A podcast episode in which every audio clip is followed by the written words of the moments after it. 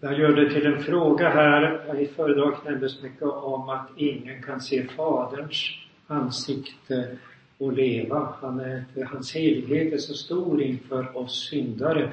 Men hur kan vi då be om, om Herrens välsignelse att han ska vända sitt ansikte till oss? Det skulle betyda då att om Fadern vänder ansiktet till oss så förtärs vi eh, av eld och det ber vi väl inte om. Och eh, jag nämnde också här då att eh, det undervisas klart och tydligt att, att Guds ansikte det är då Guds son som uppenbarar sig, Herrens särskilde ängel som gick med Israels barn ut i Egypten. Och även fast de var så upproriska så är han med dem. Fadern själv, står det, jag kan inte gå med er för då skulle ni, ni förgås. Alltså när vi ber om Herren välsigna oss och bevara oss och vänder sitt ansikte till oss så ber vi om, om Kristus, Herren Jesus som är enda vägen eh, till, till Fadern. Det är bara genom honom som uttrycks särskilt då att endast, ingen kommer till Fadern utom genom mig. Ingen kommer till Fadern utom genom mig.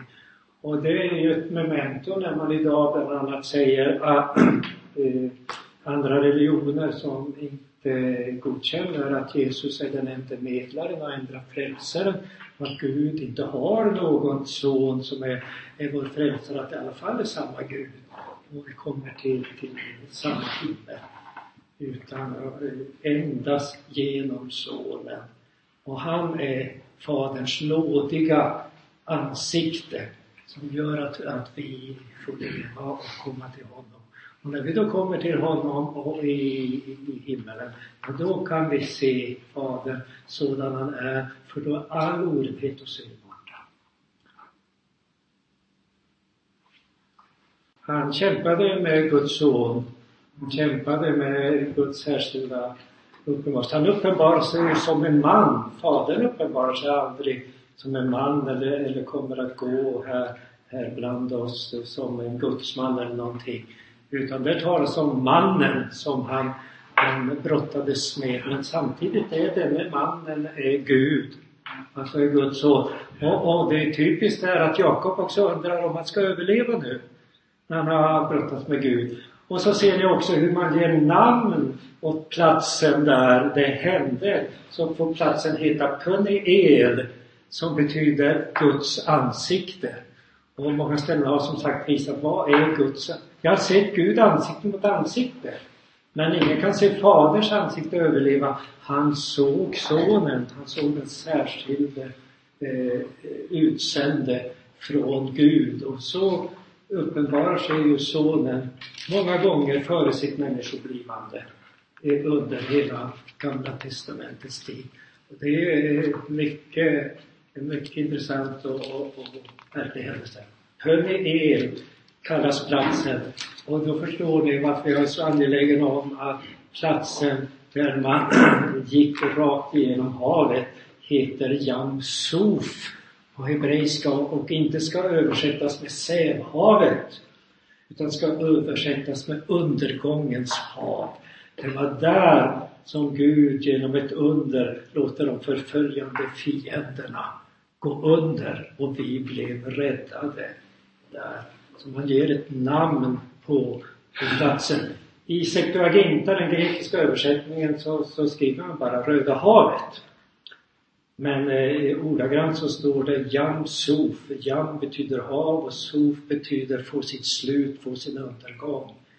Och det kan också betyda säv. Det är helt meningslöst att kalla, kalla det för eh, för Sävhavet. Det finns ingen säv där utan det var ett djupt, stort hav. Och alla texterna i Gamla Testamentet som nämner det havet Jamsuf så är det alltid Akvaviken. Alltså den gren av eh, Röda havet som går eh, på östra sidan av Sinaihalvön.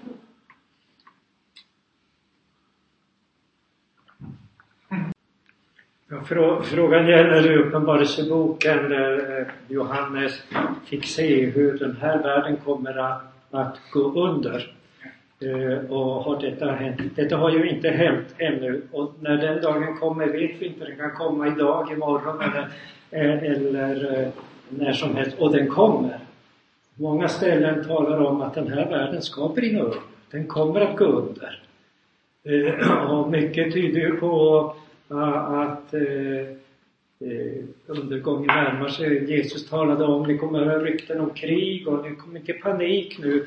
Och, och många kommer att stå rådlösa vid vågornas stån och olika saker händer. Just i detta ögonblick är det en fruktansvärd katastrof i Japan där en orkanen värsta på, vad det nu stod, 80 år eller någonting, 60 år som, som händer. Det är massa oroligheter som påminner oss om att den här världen är inte beständig. Den här världen är inte det, det fasta och säkra. Och det behöver vi inte förundra oss över. Och vad vi, vi ska, behöver inte hjälpa till att förstöra den. Den kommer att förstöras den dag Gud, Gud vill det. Men Eh, ny, den nya världen. Och vad han såg där, han hade lagt märke till där, där, där fanns det inget tempel. Jo, det fanns ett tempel. Precis som Jesus säger när han, han är templet. När han uppstod på tredje dagen, ja, jag ska riva ner det här, men på tre dagar ska jag bygga upp det igen. Han är templet och så står det att Herren och Lammet är templet. Det är där. Och, och eh, så den, eh, den uppfyllelsen som inte har skett ännu, alltså den sista dagen och slutligen och undergången, den har ju inte skett än. Men den kommer att ske. Och en del vill räkna ut när det ska ske, men det går inte. Den dagen, den stunden vet ingen något. Men var beredda, för en dag när ni inte väntade så ska det ske. Andra Samuelsboken 7 och vers eh, 14 säger så här jag ska vara hans far och han ska vara min son. Gör han något orättfärdigt ska jag straffa honom med människors ris och med plågor som drabbar människors barn. Men min nåd ska inte vika från honom, så som jag lät den vika från Saul, som jag lät vika för dig. Och det här, eh, det är ju lite märkligt att eh, det kan avse Messias då det talas om om han gör något orättfärdigt. Mm. Och samtidigt också när det gäller Salomo, eh, min nåd ska inte vika från honom. Nåja, delningen av riket skedde först efter Salomo. Mm. Så att på det sättet kan man väl motivera det att, att det skedde inte under Salomos tid. Men just det här alltså om han gör något orättfärdigt, kan det inte gälla båda de här uppfyllelserna? Alltså både Salomo och Messias? Mm. Ja, det var en bra fråga. Jag vet inte om den gick fram. Alltså de eh, förutsägelser som, som eh, där det är en förebild för den fulla uppfyllelsen och, och samtidigt handlar det om, då, om för, uppfyllelsen i själva förebilden. Så det är helt klart att eh, när det här nämndes då Andra Samuelsboken 7 så, så är Salomo i, i, inte helt och hållet en förebild för Jesus, Messias. Men i vissa avseenden är han det. I vissa avseenden. Så han är en, en hans rike eh, och, och Salomo själv tillämpar ju den här profetian på sig själv och att det gäller honom och, och tänker det. Men samtidigt vet vi ju att Salomo var avfällig, särskilt mot slutet av, av sitt liv. Och i det avseendet är han ju ingen förebild för, för Messias. Men genom det här med visheten och, och med välsignelsen och storheten under honom, det pekar fram emot mot den fullständiga uppfyllelsen som eh, eh, eh sedan då bara eh, äger sin uppfyllelse i Messias, i Jesus Kristus. Så det här att med orättfärdighet passar ju inte in, som du säger, på, på, på Messias. Och så är det med, med flera andra eh, profetior också, om eh, där förebilden, låt oss säga översteprästen som är en förebild för Jesus och, och många andra saker, eller tabernaklet och mycket annat, så finns det ju detaljer man kan plocka fram där som inte stämmer till på den fullkomlig, fullkomligheten. Och det är alltså eh, skuggbilden, men när, när verkligheten själv kommer då, då ser vi en, en Messias med ett, ett, ett, ett evigt rike. Och, och det rike som Salomo hade, det, det kommer ju att att förfalla och det profeteras ju om, om det också att det, det blir inte mycket kvar av det. Först så kommer då eh, det spricka sönder så att det är bara en tiondel kvar. Alltså hela Nordriket går under, 722. Men sen det som är kvar, det är bara juderiket då, så ska också den drabbas hårt så det är bara en stubbe kvar av det. En liten rest. Och, och ur, denna, ur denna rest så, så i denna lilla rest inympas så då troende från alla stammar, folk och tungomål.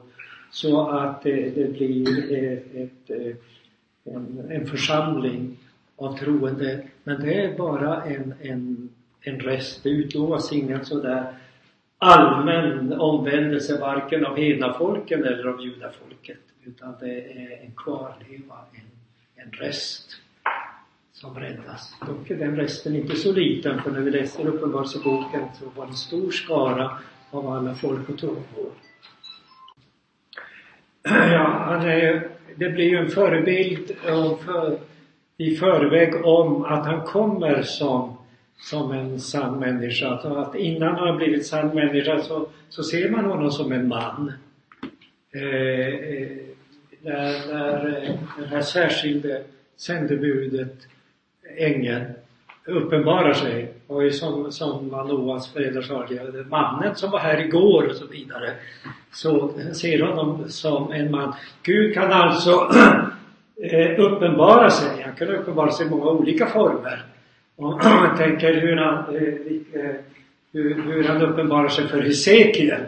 Om det kunde gå att fånga in det hur det beskrivs i början av Hesekiels kapitel. Det är ganska svårt att rita av det och förklara men det vill alltså klara ut hur, hur, hur stor Gud är. Han är inte begränsad. Han, han behöver inte vända sig om för att eh, bry sig om där och där. Och man undrar hur kan Gud ha koll på oss här och samtidigt ha koll på dem i Australien? Samtidigt. Och, hur, hur, och, och då används det då, då bilder. Och här används alltså då att han framträder i bilden av en, en människa. Och ofta då för att markera att det inte är vilken människa som helst så, så ser vi Daniel att han har ett gyllene bälte eller att han har vita kläder, att det strålar om honom. Men eh, så står det inte vid varje tillfälle. Eh, men, eh, men det är att, att vi inte förgås honom, det är på grund av att han är vår ställföreträdare. Att han är vår rättfärdighet. Och, och det betonas ju ganska kraftigt och förmodligen den rätta översättningen i, i Uppenbarelseboken. Att, att han blev vår ställföreträdare av försonat oss. Det är därför att lammet är slaktat från världens begynnelse. Som det står här. Man kan tolka på två sätt eh, där. Men tar man den ordföljd som texten själv har så blir det lammet som är slaktat från världens grundläggning. Det vill säga att det, det som kommer att fullbordas längre fram i tiden det är redan före så säkert och fast så att man, man kan använda eh, så det kan betonas på det sättet att man är slaktad från världens grundläggning. Och det är därför som det inte förgås när, när sonen uppenbarar sig. Så att han är räddningen. Men eh, det är först i tidens fullbordan, när tiden var fullbordad, och som, som han kommer. Och problemet är ju inte Guds, att vi inte kan komma till Gud, utan problemet är ju oss. Alltså måste han bli människa. Han måste till fullo vara ställföreträdare så att han blir, och det är väldigt viktigt då att han är inte en skenmänniska då, eller en bild av en människa. För det är ju en bild som pekar framåt. Utan han är en verklig kött och blod, sann människa. Och vår representant, vår ställföreträdare. Och fortfarande. Har han inte upphört att vara sann människa i och med sin uppståndelse. Fortfarande. Både sann Gud och sann människa.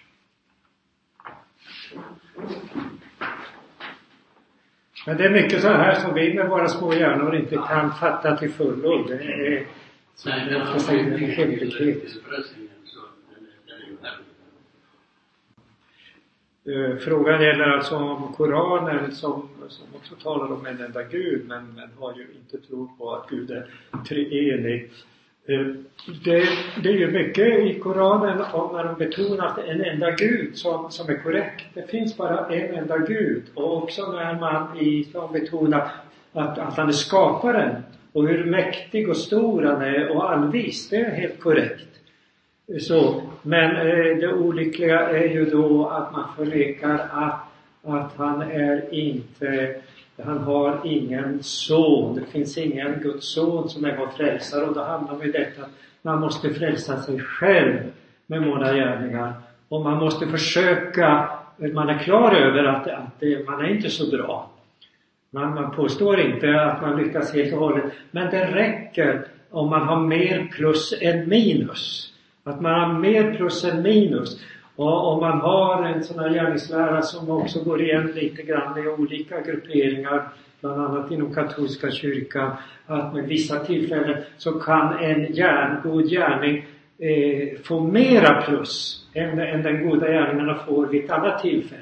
Om man befinner sig vid en helig plats eller tar vid en helig relik eller, eller gör det i samband med, med något visst. Och så är det också i Islam då att det, det man gör under Ramadan till exempel, det får man bonus på. Det är ungefär som det utlovas med att man, att man får eh, dubbla poäng vid eh, vissa tillfällen om man gör så och så. Och då gäller det att försöka öka på. Jag minns nu inte om det är ängeln på, det sitter en ängel på höger axel eller en på vänster axel. Och eh, kanske det är så, det borde vara så kanske att den på höger axel noterar plus och den på vänster axel eh, minus. Men jag vågar inte svära på det, kanske tvärtom. Men, men det, det kan vara, vara så och, och, det är alltså och sen också där, man kan aldrig vara viss. Kommer det att räcka? Eh, det, har jag mer plus än, än minus? Och, och, och, det är ganska förfärligt. För att det, det stora är om man verkligen har sett hur frälsningen helt grundar sig utanför mig och ges mig oförtjänt som en gåva, då kan jag vara viss. Men om det också beror på någonting hos mig så kan jag aldrig vara viss. För om jag låter mig genomlysas av lagen så ser jag att jag har ett infundigt hjärta. Man kan ju säga att man har två hjärtan. Man har den nya födelsens hjärta och så har man det gamla hjärtat också kvar. Eh, där. Och, och då blir man, tittar man in i sig själv så blir man oviss. Tittar man på Kristus och vad han har gjort för oss, bara där finns vissheten.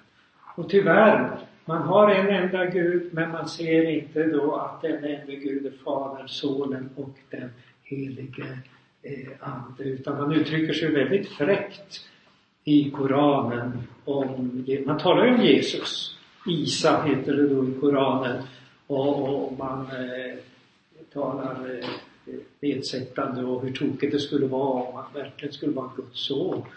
Och, och man missuppfattar också treenigheten och tror att treenigheten det är Allah plus Isa plus jungfru Maria. Så man har inte riktigt grepp om vad, vad är den bibliska läran om, om treenigheten.